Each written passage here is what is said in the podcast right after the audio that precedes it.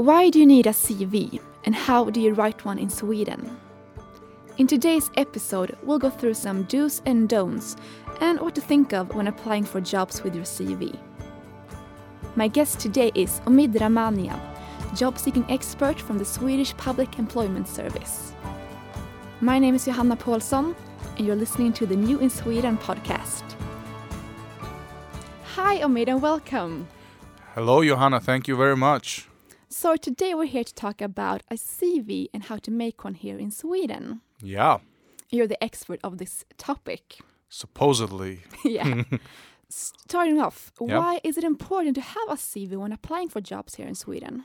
Well, basically, it's about uh, the employers have put out an ad that they are looking for someone with uh, most of the times specific skill sets, and the process to hire someone is actually quite. Um, uh, it can be quite difficult and it can be quite long, and you want to be able to call the persons that are most suited for the job or for the interview, so you can see what type of skill sets does this person have? Do they have the necessary skills that your company wants? And also, it's not just about the hard skills, uh, on, uh, that, which is basically what's most on the CV, but also about the soft skills. But that's more about the cover letter. But those which you're going to talk about later as well. yeah, but those two are basically the application. So you, when you're applying for a job, you hand in your CV, or as it, it's called also resume, and your cover letter. Is there a a difference between the resume and the CV? Uh, no, I think it's just a name thing. Now I can't remember if it's. I think it's in the United States that they call it a resume. So Ah. here in Sweden, we keep it to the CV. Yeah, So it's a presentation of yourself for the employer itself. a presentation of your professional self. and it's very important to make that distinction because sometimes I think a lot of people get confused when we're talking about this is a presentation of yourself, and and I think it's especially in the cover letter that you basically think that it's me as a person, which it kind of is, but it's more about the professional part of you, what kind of education you have, what kind of background you have, what kind of skills you have, and stuff like that. All right. So apart from the professional background like education and experience, Yeah. what else should be included in the CV? Well, it all depends on what you're reading in the application. So you need to make sure that you've understood uh, what the employer is seeking. So you need to see, okay, or I said application, what I meant is the job ad. You need to look at the ad, see what they're seeking, and and including those parts that is beneficial for you to get called to an interview. And I think that's really important to have with you when you're applying for a job that basically your CV and cover letter, they're not supposed to give the entire image of who you are, but they're supposed to be a taste, a trailer if you'd like. And what it's supposed to do, it's to get you to the next part, which is the interview. I like the trailer thinking, so it's just to try to present yourself the best way possible. Exactly. Because, of course, all of us have weaknesses. And when you're in the interview, uh, you might get the question and then you need to figure out, well, how am I supposed to answer this one? But in, in the CV and the cover letter, I think what's most important that you should focus on your strengths. These are the skills I have. This is who I have. This is how I solve problems. This is what I have in my educational background, and just focus on that and leave the weakness parts and stuff to the interview or when the question actually comes. So, what should not be included in this CV? Well, you should kind of make it short because if you're applying for a job, you should keep in mind that many others are doing so as well. And for someone who's reading these applications, it can be a big job.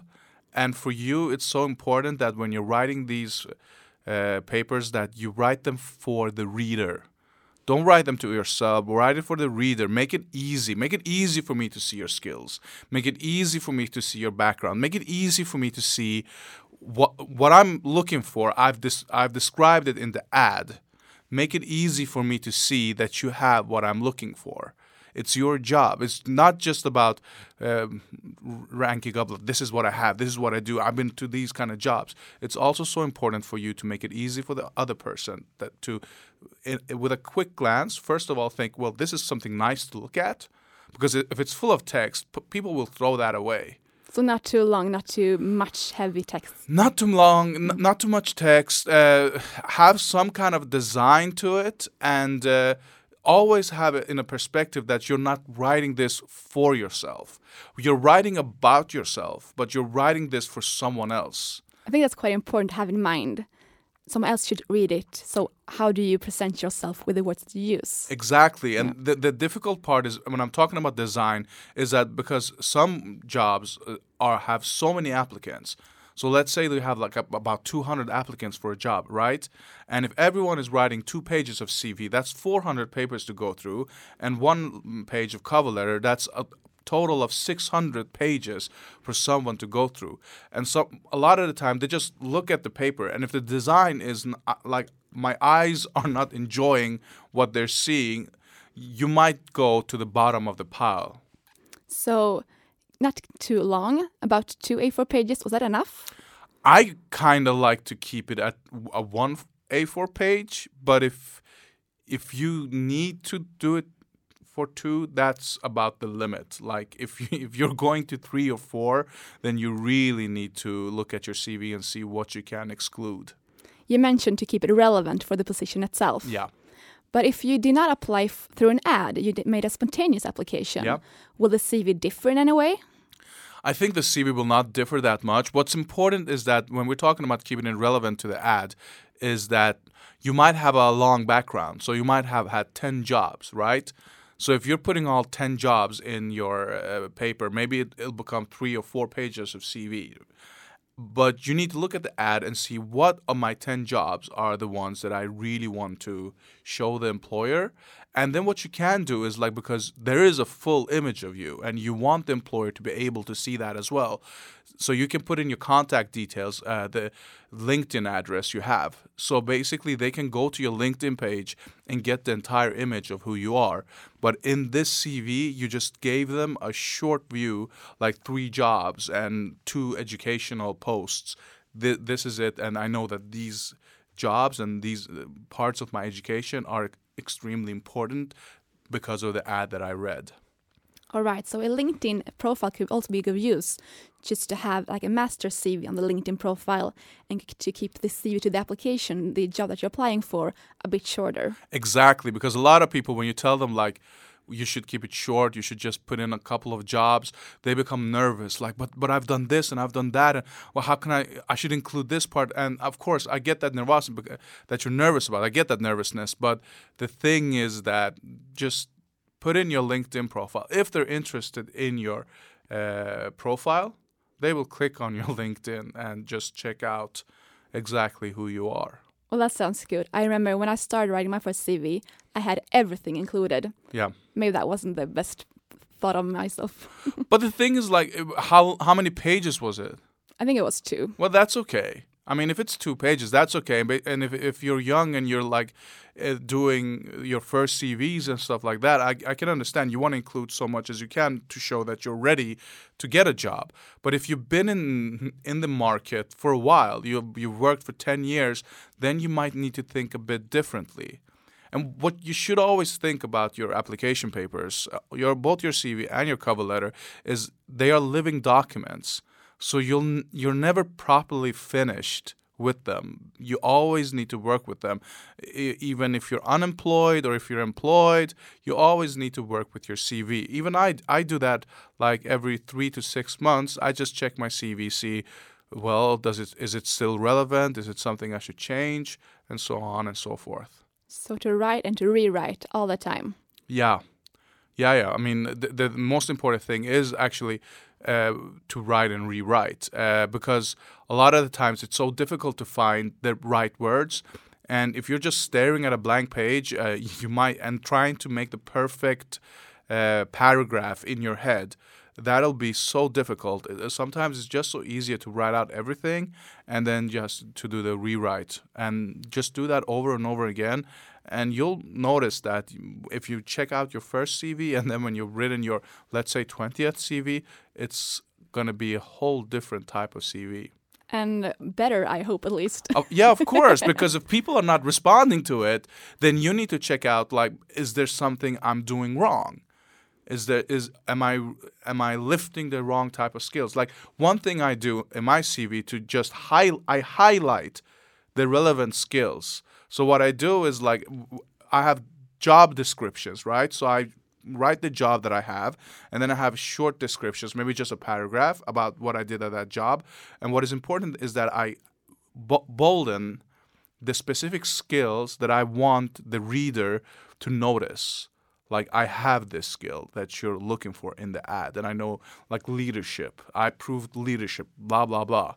But the lead- leadership one is bolden, so the employer instantly sees, oh, or maybe you speak um, Spanish or Arabic or Russian or whatever. But like, and then they see instantly, oh, good, they have that language skill set that we are looking for.